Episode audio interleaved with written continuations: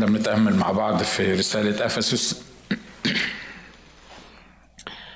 واتكلمنا لغاية عدد ثلاثة المرة الماضية مبارك الله. من الإصحاح الأول رسالة أفسس أصحاح واحد وعدد ثلاثة مبارك الله أبو ربنا يسوع المسيح الذي باركنا بكل بركة روحية في السماويات في المسيح يسوع. وقلنا إن هنا البركة متبادلة.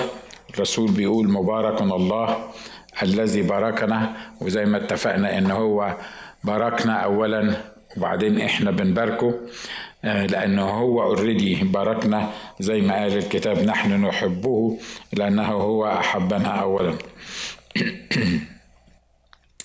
وزي ما اتفقنا المرة الماضية برضو إن إحنا بوركنا بكل بركة روحية في السماويات ده مش معناها إن إحنا ما بوركناش بالبركات المادية لأن بعض المؤمنين اللغويين يعيشوا في الفقر والاكتئاب والاحتياج لما بتقول لهم إن أنتوا بوركتم بكل بركة روحية يقول لك دي روحية مش مادية دي مش زمنية. هو نقول اصعب البركة الروحية ولا البركة الزمنية؟ انجاز التعبير إن كان في أصعب لأن عند الله ما فيش أصعب. الحقيقة يعني متهيألي البركات الروحية هي اللي اصعب إن واحد ياخد بركات روحية.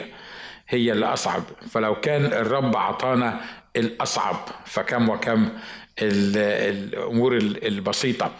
فاكرين لما الرب شفى الراجل قال له مغفورة لك خطاياك.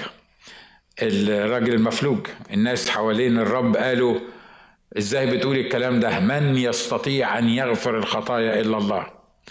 فالرب اتحداهم قال لهم أيهما أسهل أن يقال مغفورة لك خطاياك أم قم احمل سريرك واذهب إلى بيتك.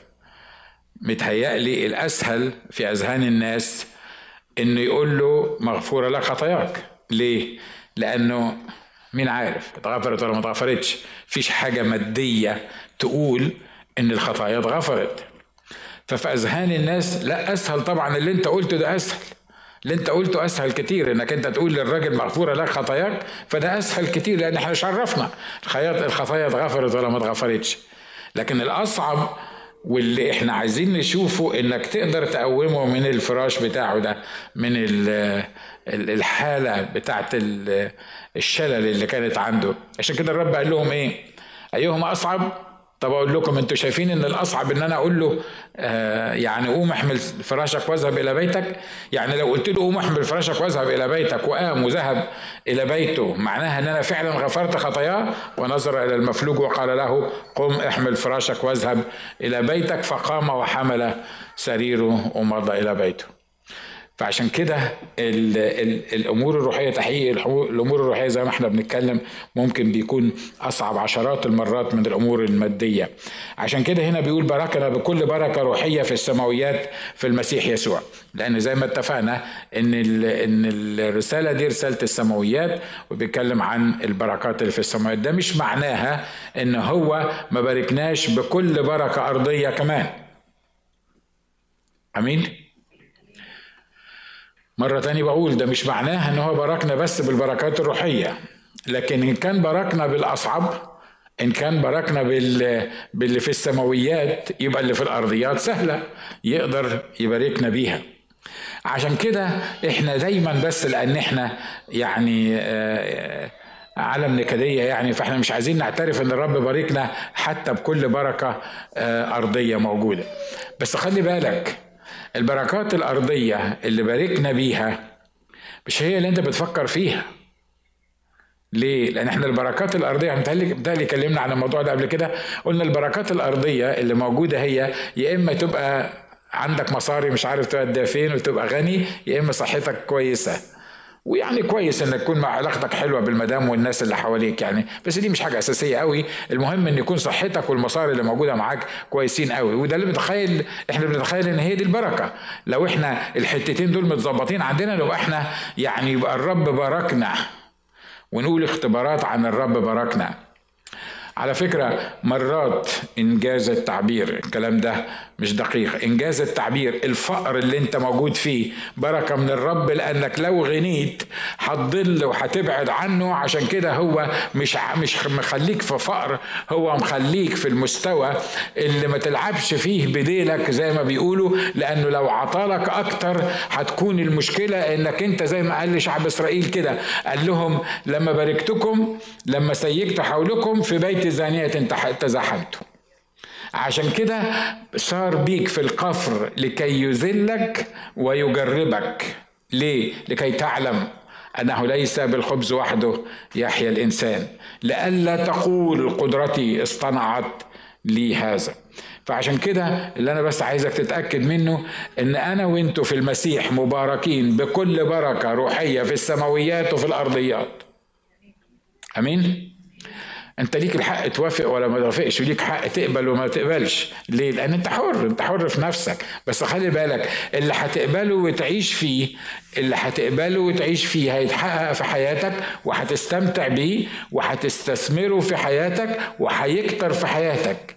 اللي مش هتقبله مش هتقدر تستمتع بيه بالرغم من انه هو موجود ليك في بنك السماء عشان كده الكتاب تقولي طب هو ليه قال يعني هنا بس البركات السماوية؟ لأن زي ما اتفقنا هو بيكتب عن السماويات وبيكتب عن مقامنا في السماويات مش مقامنا في الأرضيات. عشان كده بيتكلم عن آه، كل بركة روحية في السماويات. واتفقنا زي ما قلنا إن البركات حتى في السماويات دي لا لا دمنا ولا يعني إحنا ناس طيبين ولا إحنا يعني ناس نستاهل. إحنا بوركنا في المسيح يسوع. بعيد عن المسيح يسوع ما فيش بركة. أمين؟ بعيد عن المسيح يسوع يمكن تكون غني بس ما يكونش الغنى بتاعك دون بركة. ممكن الغنى بتاعك دون يكون نقمة يكون لعنة. ليه؟ لأن الميزان ما هوش الغنى. ممكن تكون صحتك كويسة جدا. لكن دي مش مش مش بركة. ممكن تكون مش بركة. ليه؟ لأنك لما صحتك بتبقى كويسة بتفتري بتعمل اللي اللي المفروض ما يتعملش and so on فالأمور اللي إحنا بنتكلم فيها دي البركات كلها في المسيح يسوع. ومش هعدد لك البركات. هي بركة واحدة بس. هي بركة واحدة بس التي باركنا بيها. عارفين هي إيه البركة دي؟ هي يسوع المسيح نفسه. مش اللي بيديه يسوع المسيح. لأن اللي بيديه يسوع المسيح ده ده غني قوي. ده يعني يعني ممكن يغرقك ويغرق الدنيا كلها. لكن البركة الحقيقية إنك تبقى في المسيح يسوع. ولما تبقى في المسيح يسوع يبقى لك كل اللي بتشتهيه في المسيح يسوع. وتبقى مبارك بكل بركة في المسيح يسوع. البركات مش حاجة من بره هتيجي لينا. البركات المسيح يسوع المسيح فيكم رجاء المجد المسيح اللي جوانا هو البركة الحقيقية اللي بعدها مفيش بركة. وفي المسيح في كل البركات اللي تتخيلها كل تسديد الاحتياجات كل ما تريده من النهارده لغاية ما تبقى موجود في السماء. عشان كده لما نقول إن المؤمنين مباركين إحنا مباركين. ليه؟ إحنا مباركين في المسيح يسوع وبالمسيح يسوع. اطلع بره شوية عن المسيح يسوع. صدقني حتى لو كنت اللي بتوعظ ده واقف على المنبر أو أي واحد في أي حد. اطلع بره شوية من المسيح يسوع. انسى شوية موضوع المسيح يسوع. فكر شوية إنك أنت مبارك لأن فيك حاجة تتبارك وأنت هتعرف إن أنت ما فيكش حاجة تتبارك وأنا ما فيش حاجة تتبارك. إحنا بوركنا في المسيح يسوع.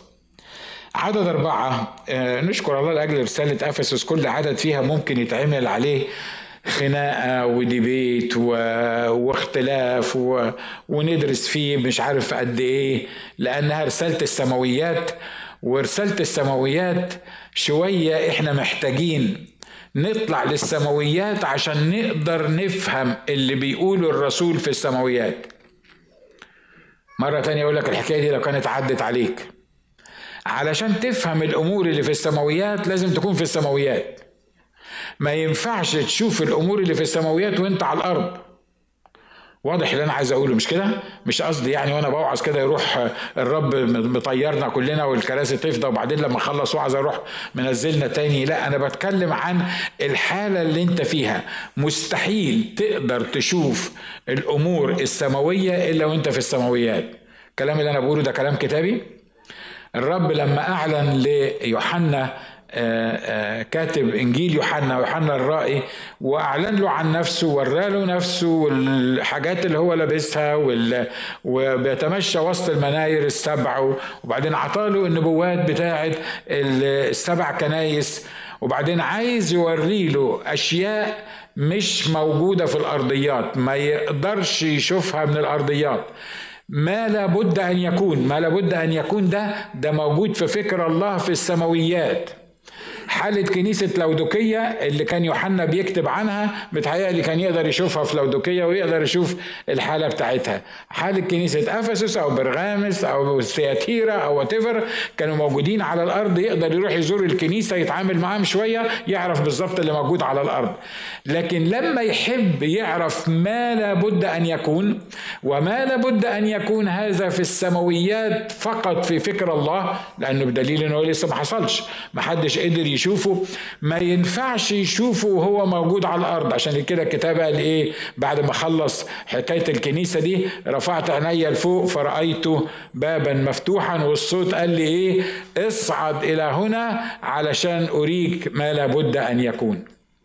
طب انت ما لابد ان يكون ده هيتحس هيحصل في الأرض مش كده ولا إيه؟ طب ما أنا في الأرض أنا في الأرض وما لابد ان يكون هيحصل في الأرض. علشان كده أنا ممكن وأنا في الأرض أشوف ما لابد ان يكون. لا ما تقدرش تشوف ما لابد ان يكون. تقدر تشوف ما هو كائن. تقدر تشوف الأحداث اللي بتحصل في الأرض. تقدر تقارن الأمور اللي بتحصل في الأرض. لكن لو الله عايز يكشف لك حاجة ما تقدرش تشوفها في الأرض يبقى ما ينفعش تشوفها إلا وأنت في السماويات. تقول لي يا أبوي طب دي تتصرف نتصرف فيها إزاي دي؟ يعني نطلع إزاي السماويات؟ لا دي سهلة قوي دي سهلة أوي إنك تطلع في السماوات أقعد على فكرة أنت مش محتاج تركب صاروخ عشان تروح السماويات. أنت محتاج تقفل على نفسك الباب في بيتكم وتقعد مع إله السماويات. ياخدك السماويات يوريك الأمور اللي في السماويات و... و... وتشوف بعينك الأمور اللي لسه هتحصل. وأنت قاعد في الأرض برضه. بس أنت قاعد في الأرض بجسدك لكن بروحك في السماويات. واضح؟ أمين؟ عشان كده ال ال الرسالة دي يعني زي ما بقول إن أي عدد نمسكه ممكن يعمل لنا مشاكل كتيرة. فمثلا في عدد أربعة بيقول كما اختارنا فيه قبل تأسيس العالم. أنت تقول الكلمتين دول بتوع اختارنا فيه قبل تأسيس العالم واحد يقول لك الحق امسك اهي دي المشاكل اللي إحنا بنتكلم فيها. يعني في اختيار ولا ما فيش اختيار؟ والاختيار دون اختيار مطلق ولا اختيار شرطي. واخترنا فيه على أي أساس؟ ويعني إيه اخترنا فيه؟ وتلاقي اللاهوتيين عمالين يشدوا في شعر بعض في اختيار ولا ما فيش اختيار. وكل واحد عنده نظرية على موضوع الاختيار. يعني وفي حاجات تشلك يعني تخليك يعني تحس انه يعني يقول لك ربنا شوف اختار ناس لجهنم وناس للسماء. فهو شوف انت تعبت ما تعبتش رحت ما رحتش آمنت بيه ما آمنتش بيه صدقته ما صدقتوش حبيته ما حبيتوش حضرت الكنيسة ما حضرتش الكنيسة اتجددت ما اتجددتش اللي اختارهم للسماء هيروحوا السماء واللي اختارهم لجهنم هيروحوا جهنم. عارف لو النظرية دي كانت صح كنت أنا بقيت أكبر شرير موجود في الدنيا. ليه؟ لأنه في منتهى البساطة طب أنا أستمتع بحياتي بدل الضغوط النفسية والروحية ومحاولة إرضاء الله بالروح القدس والكلام ده وأعيش بمزاجي وفي الآخر خالص لو أنا من المختارين يا أخونا يقولوا لك كده لو أنت من المختارين يا أخونا يبقى أنت هتخش السماء. الكلام ده صح ولا غلط؟ الكلام ده جزء منه صح. المشكلة مش في اختارنا لأن الكتاب قال اختارنا فيه قبل تأسيس العالم. مش كده ولا إيه؟ واختارنا فيه لكي نكون قديسين وبلا لوم. يعني معنى كده إن في اختيار. بس دي مش كل الحقيقة. ليه؟ لأنه في منتهى البساطة لو الاختيار ده اختيار مطلق معناه أنه هو عين ناس للسماء وعين ناس لجهنم يبقى مفيش داعي بقى نتعب نفسي. لدرجة إن بعض الطوائف ما بتؤمنش بالاجتماعات التبشيرية الخلاصية. ليه؟ يقول لك يا أخونا نبشر ليه؟ ما هو المختارين هيخشوا السماء. طبعا بينسوا مجموعة من الآيات تانية يقول لك كيف يؤمنون بلا كارث؟ يا عم المختارين دول مش لازم يأمنوا برضه بالمسيح. آه بس شوف ما دام مختارين يبقى هيأمنوا بالمسيح. طب كيف يؤمنون بلا كارز؟ يعني حتى لو أنا ما كلمتوش هيؤمن ولا مش هيؤمن؟ لأنه اختارنا فيه قبل تأسيس العالم والاختيار ده اختيار مطلق. أنا مش بنادي بالاختيار المطلق ولا أؤمن بالاختيار المطلق عشان لحسن حد يقطع الحتة دي من من سياق الحديث ويقول الأسيس ناجي قال اللي هم هم دول هيخشوا السماء نو ماتر وات لا أنا ما بقولش الكلام ده. ليه؟ لأن الكلام ده doesn't make any sense. لما الله يقول أنه يريد أن جميع الناس يخلصون وإلى معرفة الحق يقبلون طب وإيه اللي لما هو يريد أن جميع الناس يخلصون وإلى معرفة الحق يقبلون. طب ما اختارهمش كلهم ليه؟ ما هو لو كان الموضوع موضوع اختيار هو عايز دول ومش عايز دول. يبقى خلاص يبقى ليه ما اختارهمش كلهم؟ ما دام يريد هو حد هيقول له لا انت ما تردش. الموضوع ده كان في الآخر خالص اختارهم كلهم وخلاص وريحنا من الموضوع ده. وبعدين لما يقول تعالوا إلي ومن يقبل إلي لا أخرجه خارجا هتلاقي ست كبير أو مجموعة كبيرة من الآيات ما تمشيش مع فكرة الاختيار المطلق. الاختيار المطلق اللي أنا أقصده إن الله عين ناس للحياة الأبدية وعين ناس لجهنم. أنا عارف إن المنطق نفسه يعني تحس إن في حاجة مش مظبوطة. وعلى فكرة اللي بينادوا بالحاجات دي ما هماش بخبيل يعني ما هماش بيفكروا زينا وإحنا بس اللي يعني اللي اكتشفنا الحقيقة دي. ليه؟ لأن عندهم لكل سؤال هتقدر تسأله عنده لكل سؤال رد عليه.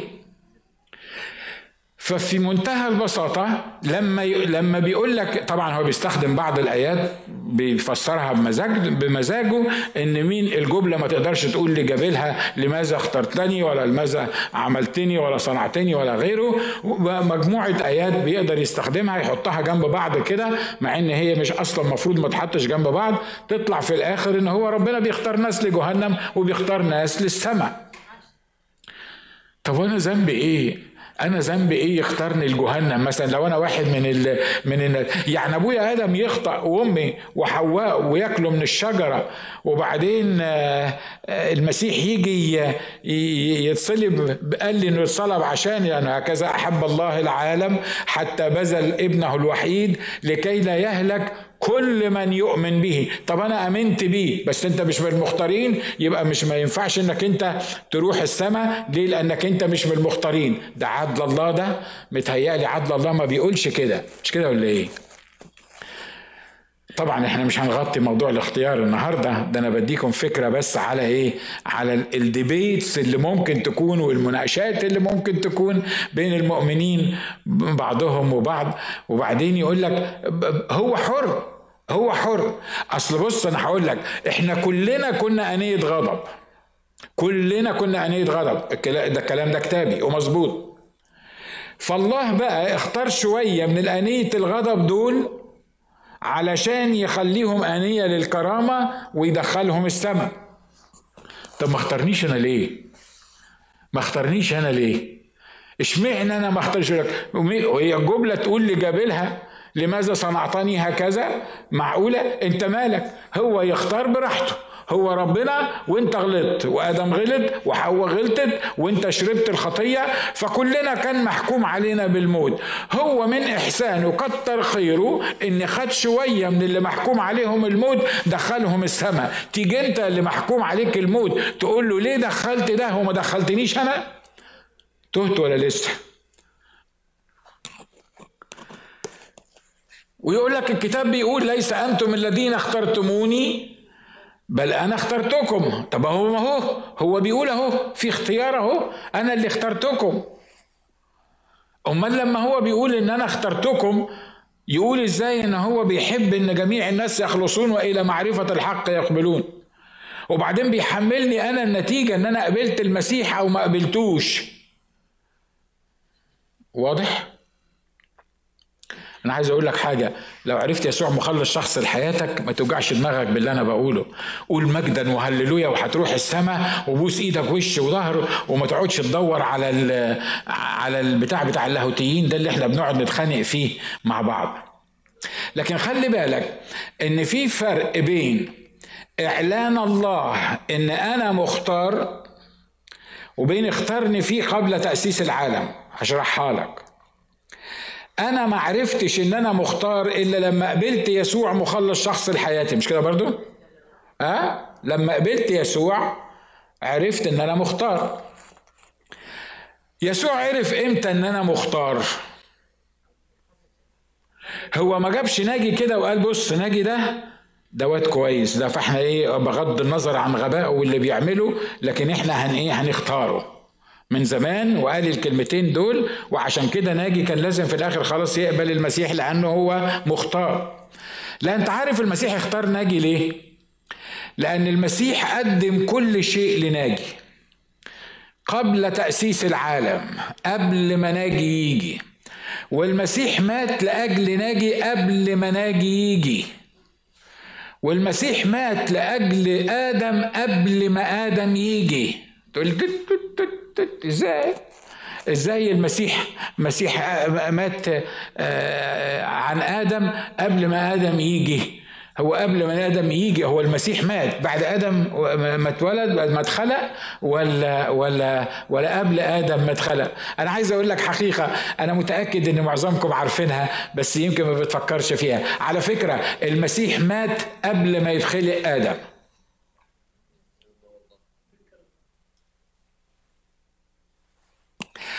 أصل المسيح ما عندوش ماضي وحاضر ومستقبل. أنا وأنتوا عندنا ماضي وحاضر ومستقبل. اللي حصل من عشر دقايق ده بالنسبة لي ماضي. اللي بيحصل دلوقتي ده الحاضر اللي أنا شايفه بعينيا. اللي هيحصل بعد ثانيتين مش دقيقتين. اللي هيحصل بعد ثانيتين أنا معرفوش ليه؟ لأن أنا مخلوق. لكن الخالق بقى اللي هو الله نفسه ما عندوش اللي شافه زمان واللي بيشوفه دلوقتي واللي لسه هيحصل عشان يشوفه. إنجاز التعبير من بداية الله ما فيش حاجة اسمها بداية الله مش كده؟ أنا والله ليه بداية؟ أحسن حد برضه على الإنترنت يقول لك الأساس ناجي بيقول من بداية الله. هو الله ليه بداية؟ الأساس ناجي بيهرطق لا أنا بقول ده أنا بفترض ده أنا بفترض. لو في لو في نقطة اسمها بداية الله فمن بداية الله الله عرف في النهاية من البداية وده كلام كتابي مش أنا اللي بقوله مش كده ولا إيه؟ فهو من قبل آدم ما يسقط يسقط عارف إنه يسقط ولا مش عارف؟ متهيألي عارف مش كده؟ ما خلقش آدم وقال له خلي بالك أنا قلت لك ما تاكلش من الشجرة وإن كلت من الشجرة موتا تموت. وبعدين أوبس آدم كل من الشجرة وربنا بقى إيه ما كانش عامل حسابه على الموضوع ده. فقرر إن هو يخلي يسوع يموت علشان آه، يعني ينقذه من المصيبة اللي وقع فيها. الكلام ده لا الكلام ده مش ينطبق عليا وعليكم لأن إحنا بنشوف الحاجة بعد ما بتحصل. لكن الله بيشوف الحاجة قبل تأسيس العالم بدليل إنه بيقول اختارنا فيه إمتى؟ طب يا عم هو قبل تأسيس العالم وأنا كنت موجود قبل تأسيس العالم؟ أنت بتختارني إزاي قبل تأسيس العالم؟ يعني بتختار واحد لسه أبوه ما اتجوزش أمه. ويمكن بيبيته ما اتجوزتش جده ويمكن كان آدم وحواء واضح طبعا إن هما الاثنين ما كانوش حتى خلفوا اول أول ولدين ليهم. أنت بتقول إيه؟ هو المسيح اختارني إمتى؟ هو المسيح المسيح قرر اختياري إمتى؟ أنا عارف إيه؟ اختارنا فيه في المسيح يسوع قبل تأسيس العالم قبل ما العالم يبتدي لأن الله مرة أخيرة أقول لك ما عندوش حاضر وماضي ومستقبل. الله شايف أو من أول يوم للعالم لآخر يوم كأنه بيحصل دلوقتي. فعشان كده هو اختارني فيه قبل ما أبويا يغلط قبل ما أبويا آدم وحواء. يغلطوا. هو اختارني فيه. ليه؟ لأن هو خالقهم وما اكتشفش إن هم عملوا الخطية. لا لا لا. ده هو قبل ما يخلقهم إنجاز التعبير ومع إن مفيش حاجة اسمها بدايته. من بدايته في في في في, في ما يعني في الأزل كان عارف إن الإنسان هيتولد والإنسان هيخطئ وإنه لازم الوحيد اللي يقدر يخلصه هو شخص الرب يسوع المسيح وعمل خطة الفداء. وبعدين إلى نهاية العالم اللي إحنا هنشوفه لو كان له لو كان له نهاية. حد مقتنع باللي أنا بقوله ده؟ على فكرة دي مش حصه فلسفه يعني ولا أنا بحاول آه، يعني أعملها بصورة فلسفية لكن دي حقيقة. بقول لك إيه؟ لو تعرف يسوع مخلص شخص لحياتك زغرت في عبك زي ما بيقولوا وقول أشكرك لأنك أنت اخترتني. أشكرك لأن أنا مختار في المسيح يسوع. أشكرك لأنك قدمت لي الرسالة في المسيح يسوع. وأشكرك لأن في يوم من الأيام عرفتك. وأشكرك لأني رايح السماء. اخترتني إمتى بقى؟ ما اخترتنيش إمتى؟ قبل تأسيس العالم بعد تأسيس العالم أنا اللي أنا أعرفه إن أنا مختار في المسيح ورايح السماء على حساب دم يسوع المسيح. لكن كلمة أخيرة بقولها للناس. أوعى تصدق إنك أنت مختار غصب عنك. أوعى تصدق إنك أنت مالكش دور تعمله. الدور اللي عليك تعمله اليوم إن سمعتم صوته فلا تقسوا قلوبكم. الدور اللي عليك إن تعالوا إلي وأنا أريحكم. الدور اللي عليك إن أنت تروح تنادي للناس تصالحوا مع الله. تصالحوا مع الله لأنه نسعى عنه كسفراء كأن الله يعظ بنا. رسالتنا هي إيه؟ تعالوا تصالحوا مع الله. وكل واحد هيجي لله ويقبل يسوع المسيح مخلص شخص لحياته هيكون مختار في المسيح يسوع قبل تأسيس العالم. أمين؟ الأسيس الكبير بتاعي اللي في السماء دلوقتي كان دايما يمثل لنا حكاية الاختيار دي بباب. باب مقفول مكتوب عليه ناس واقفه بره الباب والباب مكتوب عليه تعالوا ادخلوا يقول اللي يفتح الباب ويخش يبص على الضرفة التانية من الباب أو ظهر الباب يلاقي مكتوب ليس أنتم اخترتموني بل أنا اخترتكم وأقمتكم واضح اللي أنا عايز أقوله مش كده؟ يعني يعني أعرف إزاي إن أنا مختار فيه قبل تأسيس العالم لما أفتح الباب وأخش. ليه؟ لأنه إحنا كلنا كنا أبناء الغضب واخترنا فيه قبل تأسيس العالم بان هو قدم حياته لينا. على فكرة مستعد أجاوب أسئلة طلبة كلية اللاهوت بس بعد ما نخلص الاجتماع لأنه ما أعرفش يعني أنتوا بالنسبة لكم الفكر ده شكله إيه. Anyway كما اختارنا فيه قبل تأسيس العالم اخترنا ليه؟ اخترنا ليه؟ يعني هو هو اخترنا ليه؟ عارف اخترنا ليه؟ علشان هو قلبه حنين وحبه يبين إن هو هيدخلنا السماء ويعني يرحمنا من عذاب القبر والنار وبس. ونشكر الله وده كل اللي إحنا طالبينه وهو ده اللي إحنا عايزينه. لا الحقيقة ده جزء من اختيار الله جزء من سبب اختيار الله لينا. لكن الجزء الحقيقي اللي بيقول عنه الكتاب هنا بيقول إيه؟ كما اختارنا فيه قبل تأسيس العالم لنكون مش مؤمنين. لنكون إيه؟ قديسين. يعني كلنا كلنا نكون قديسين؟ ده نفهم إن القديس ده لازم يطلع عينه في الأرض ويقعد يصوم له مش عارف كام سنة ويدي حسنات. وبركاته علينا أمين وبتاع وحاجات من كده وبعد ما يموت بعد ما يموت. ما ينفعش قديس وهو حي مش كده ولا إيه؟ بعد ما يموت ويشبع موت يجتمع إن كان مجلس مش عارف مين ولا رئاسة مش عارف شكلها إيه ويعملوا استفتاء ويقرروا الراجل ده ممكن يبقى دي أو الست دي تبقى قديسة ولا يوزنوا أعمال مدر تريزا مثلا في كفة إنها كانت عايشة في الهند وتعبت لأجل الفقراء وخدمت في بتاعة الجزام وضحت بحياتها وضحت بشبابها وكل اللي معاه يبقى الست دي تستاهل إنها نقول عليها قديسة ونديها رتبة قديسة. هي تستاهل. لكن الحقيقة مدر تريزا ما بقيتش قديسة لما عطوها اللقب بتاع قديسة بقيت قديسة لما عرفت يسوع مخلص شخص المقدس الحقيقي مخلص شخص لحياتها. وما كانوش محتاجين إن هم يدوها الختم بتاع قديسة لأن هي اوريدي قديسة. في المسيح يسوع. آمين؟ عشان كده عارف اللي قاعد على يمينك ده إيه؟ ده قديس. قول له مساء الخير يا قديس. قول له بحبك يا قديس. وقديسة يعني. مش قديس يعني لازم يبقى بشنب. أنا بقول لك أنت قديس. كما اختارنا فيه قبل تأسيس العالم لنكون قديسين. على فكرة قديسين دي تحت القديسين دي تشمل إخوة وتشمل مؤمنين وتشمل مغسولين بالدم وتشمل أبناء الله. كل الألقاب الكتيرة اللي إحنا كمؤمنين خدناها ديا من المسيح لخصها الوحي في كلمة واحدة اللي هي كلمة إيه؟ قديسين.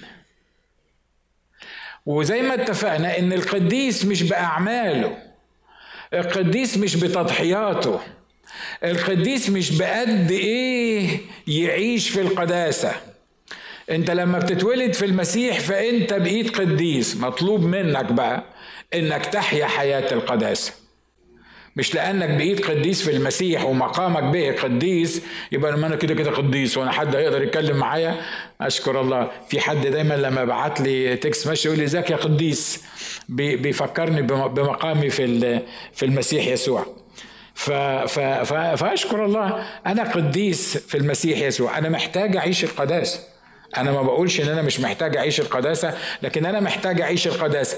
بس عشتي في القداسة مش هي اللي هتعملني قديس.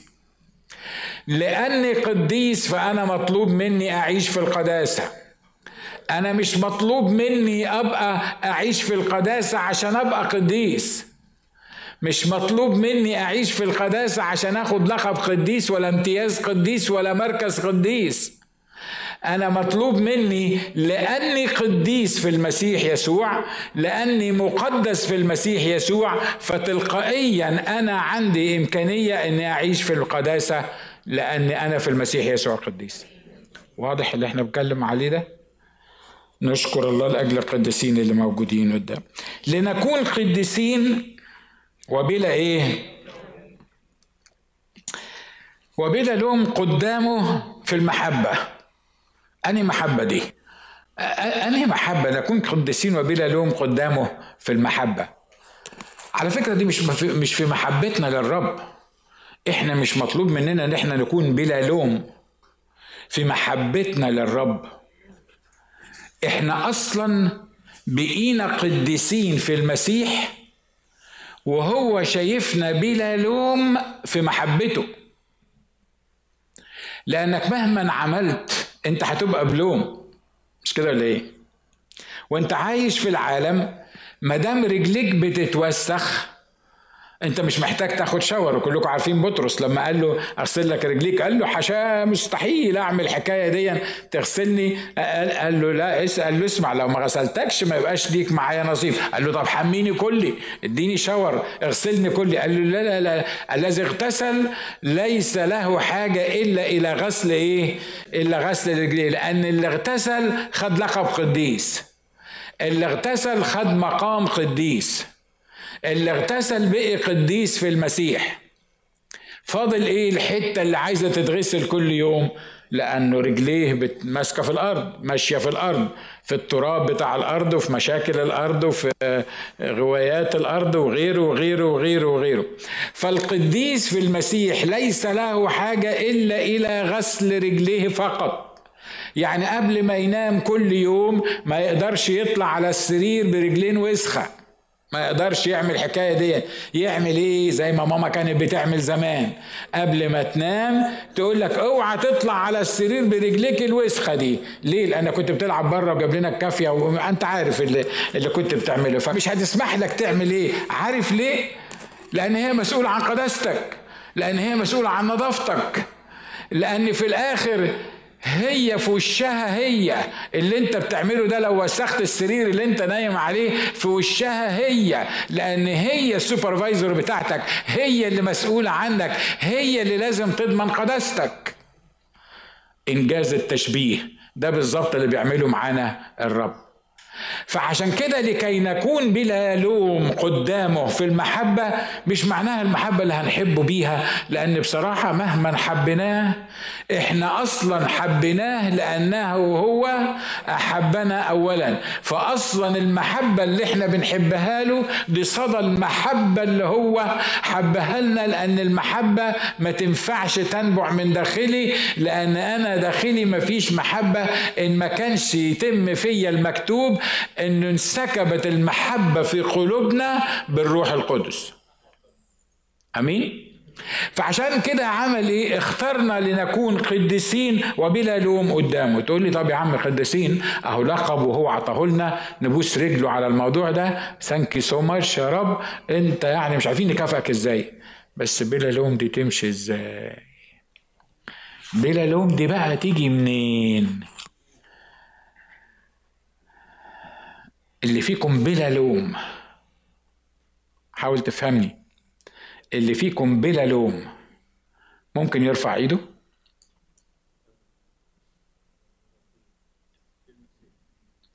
لا أنا ما قلتش في المسيح. أنا بقول اللي بلا لوم في نفسه. يرفع ايده. أنا ما أقدرش أرفع ايدي. أنا ما أقدرش أرفع ايدي. ولا واحد فينا يقدر يرفع ايده مش كده؟ لكن بلا لوم الكتاب هنا بيقول إيه؟ إن نكون وبلا لوم قدامه في المحبة بتاعته. في حد تعب الرب. أكتر من شعب إسرائيل. اللي عمل معاهم البدع اللي طلعهم من مصر وأرض العبودية وعمل وسوى وفي وقت من الأوقات قال له أتعبتني يا إسرائيل؟ ده أنا كرهت الذبايح بتاعتك والأعياد بتاعتك والصلوات بتاعتك أنا كرهته. يجي في أشعية يقول لك إيه؟ لم يرى إثما في يعقوب ولا خطية في إسرائيل. يعني كمان ده أنت بتقول له أنا قرفت حتى من الذبايح بتاعتك. مش أنت اللي قلت كده؟ مش أنت ربنا اللي قلت كده؟ آه. إزاي بقى أنت لا ترى عيب في إسرائيل ولا ولا لوم ولا وكأن إسرائيل ده يعني كأنه يعني شربات ما عملش حاجة. اصله عارف هنا بيبص لإسرائيل في مين؟ في يسوع المسيح. لأن كل اللي عمله إسرائيل وكل اللي هيعمله إسرائيل متغطي بدم الرب يسوع المسيح. آمين؟ عشان كده القصة كلها بتاعت رسالة أفسس بتقول إيه؟ أنت بره الصورة. وأنا بره اللعبة إنجاز التعبير اللعبه دي. أنا بره الجيم. أنا بره الحقائق اللي أنت اللي الكتاب بيتكلم فيها. عارف أنا بره ليه؟ لأن لو أنا دخلت فيها بطبيعة البشرية الجسدية باظت باظت. هيشوفني بلوم يعني هو هيشوفني بلوم إن إن عملنا كل البر. ففي الآخر خالص إحنا إيه؟ إحنا عبيد بطالين عشان كده الكتاب هنا واضح جدا في الكلمات دي. شوفوا يا جماعة أنا في رأيي الشخصي. ولا بولس. ولا مئة واحد زي بولس كانوا يقدروا يكتبوا الكلام ده ما كانش إعلان بالروح القدس. وما كانش يقدر يصيغ هذه الحقائق اللاهوتية العميقة اللي إحنا عمالين نتكلم فيها بقالنا أربع أسابيع في ثلاث أعداد. وأنا متأكد إن إحنا لو عملنا مجمع وجبنا خدام الدنيا كلهم وكل خادم اتكلم في الموضوع ده مش ممكن هنقدر نلم بكل اللي عايز الروح القدس يقوله في ثلاث أربع أعداد بس في الرسالة دي. عشان كده لازم نخلي بالنا من اللي بيقوله الرب بالحرف الواحد. نحن بلا لوم قدامه في محبته لأنه بيحبنا لأنه هو أحبنا وأسلم نفسه لأجلنا. ما تخمش فينا ما ما يعني ما ما اكتشفش إن إحنا ناس وحشين لأن هو نحن بعد خطاة مات المسيح لأجلنا. السبق قبل تأسيس العالم هنا لنكون قديسين وبلا لوم قدامه في المحبة السبق فعيننا للتبني بيسوع المسيح لنفسه حسب مسرة مشيئته. يعني هو عارف إن الإنسان هيسقط وعارف إن الإنسان وقع في الخطية وعارف إن الإنسان آه، بعد وتركه. لكن عمل إيه؟ سبق فعينا للتبني. هو بيتكلم على مين دول بقى؟ بيتكلم على كل العالم ولا بيتكلم على الأبناء على المؤمنين؟ واضح إن هو بيتكلم على المؤمنين الأبناء مش كده ولا إيه؟ هو عنده استعداد إن أي حد يجي إلى خاصته جاء وخاصته لم تقبله. أما كل الذين قبلوه أعطاهم سلطان أن يصيروا أولاد الله أي المؤمنون باسمه. يعني هو عنده استعداد إن أي حد يجي ويقبل يسوع مخلص شخص لحياته يتمتع بهذه البنوية. يبقى ابن لله يبقى من عيلة الله. هو سبق فعينا للتبني. نرجع تاني نقول بعض الناس لما بيشوفوا سبق فعينا للتبني ديا. يقول لك ما هو؟ ما هو سبق فعينا قبل أنا ما أتجدد قبل ما أعرف المسيح سبق فعيني للتبني. معناها تاني إن هو عين ناس للتبني وعين ناس مش للتبني. هي الآية بتقول كده. هي الآية بتقول إن هو سبق فعين ناس للتبني وناس مش للتبني. ده بولس الرسول هنا بيكلم المؤمنين بيقول لهم إحنا اخترنا في اخترنا في المسيح أو اختارنا فيه قبل تأسيس العالم. ولأنه اختارنا فيه قبل تأسيس العالم اخترنا علشان نبقى أبناء اخترنا للتبني. هو مش اختار مش اخترنا علشان يرحمنا من جهنم النار هو دي بونص. دي كده يعني.